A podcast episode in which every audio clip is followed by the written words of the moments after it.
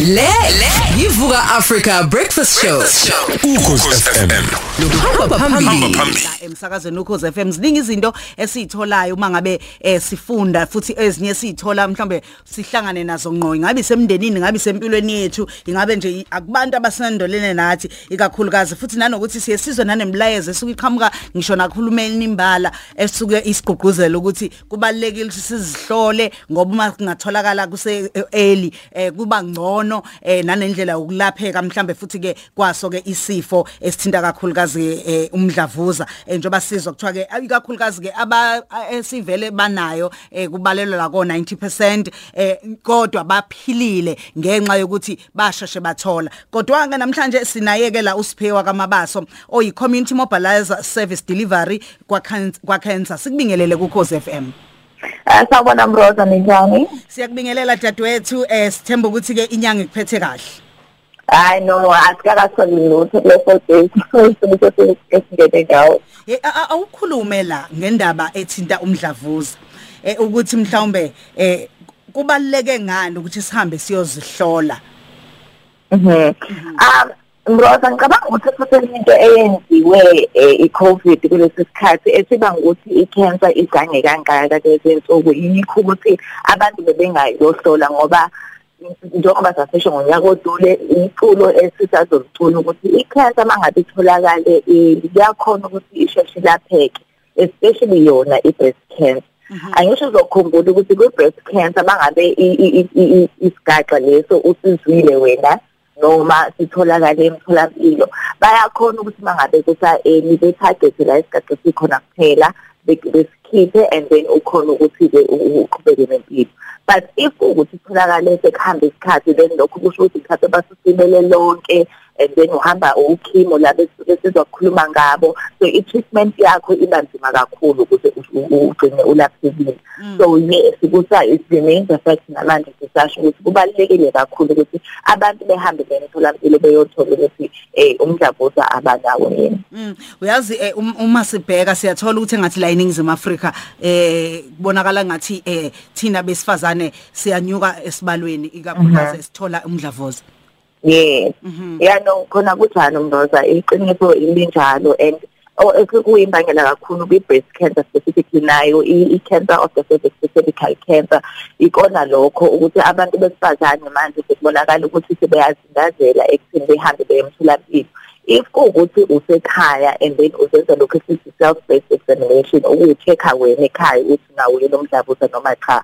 Uthinta amabele wakho wasogcoza mawuqeda ukugeza ngalesikhathi isikhumba sisashisa sisathambile ukuze uze ukuthi akukho yini mhlawumbe igaxa esikhona ebeleni umuntu ayezwe igaxa noma mangabe uyalithinta ibele kuphume izinto ezithile um kwingono yakhe. Abone zonke lezo mpawu kodwa ebese engahambi ukuthi ayothola ukuthi ngempela kwenziwe njani yini eh, kwenzeka zonke lezi zinto ezenzekayo emzimbeni wakhe okuyikona-ko sekuyimbangela ukuthi ngempela iy'namba zikhuphuke.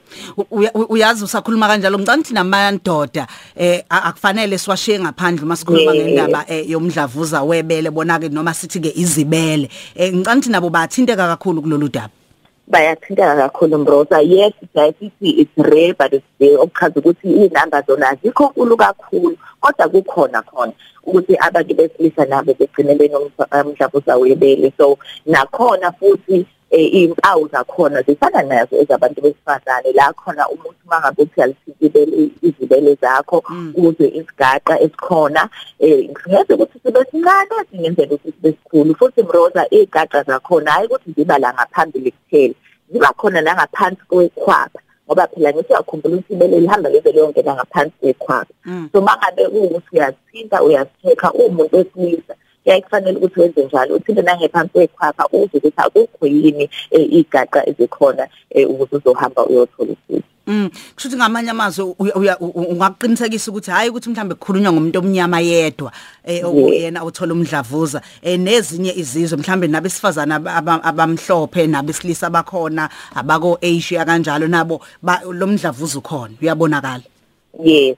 Eh ukhona kuwo wonke umuntu a- a- umdlavuza akawukhethi ibala likamuntu eh kuqala sasiba nabantu ababecabanga ukuthi mhlawumbe umdlavuza uphatha kakhulu abantu abamhlophe abelungu eh, isifo sabantu abelungu ababelungu thina abantu abamnyama asi- asisiphathi. So njengamanje ke sekushintshile-ke eh abantu abelungu sebetshela ukuthi isifo siphatha abantu abamnyama kakhulu. Eh kanti iqiniso lokuthi umdlavuza awukhethi izibala lamuntu usiphatha sonke and kufanele sonke sisukumele mangabe ukuthi khona sikusolayo Mlalelo Khoze FM ukulalele usedolobheni usemgwaqeni usekhaya usemasimini eh, eindaweni ezihlukahlukene mhlawumbe uyayizwa le ndaba uyafisa ukuthi eh asukume angenza kanjani nitholakala kuphi Okay. Thina ama-office ethu ngoza la khona angisho yakhumbula ukuthi zintathu indlela othekha ngazo umdlavuza. Yokuqala ukuthi wekha wena ekhaya, eyesibili ukuthi uhambe uye emtholampilo uyothola ukuthi whether or not unawo yini. Thina ama-office ethu aku number 619 Umbilo Road eh eh, eThekwini. 619 Umbilo Road uyafona ku 031 205 9525 wenze i-appointment yokuthi ukhona ukubonana no-nurse ozokhona ukuthi akulekelele ekucheck-ini ukuthi kukhona yini okungabe kusolisa emabeleni akho. Okay uthe 619 umbilo road aw- wawusuthini 619 Umbilo Road Cancer Association ama-office Ndosa Okay. and then bese inumber u-031 205 9525 Okay. Hayi ke siyabonga kakhulu dadewethu sithemba ukuthi solokhu nje sikwazi ukuthindana um- ukuze kuyophela inyanga njoba kule nyanga sizoke sibheke futhi ke sikhulume nabanye abahlukahlukene mayelana nawo ke umdlavuza eh webele eh, okuyibona abathi mhlambe sisheshe sa- saqala eh sathola eh, njengamanje siyaphila abazokwazi ukuthi ke mhlambe baxoxe nathi basinikeze uhambo lwabo. Le yivuka Africa Breakfast Show. Ukhozi FM. Hamba phambili. phambili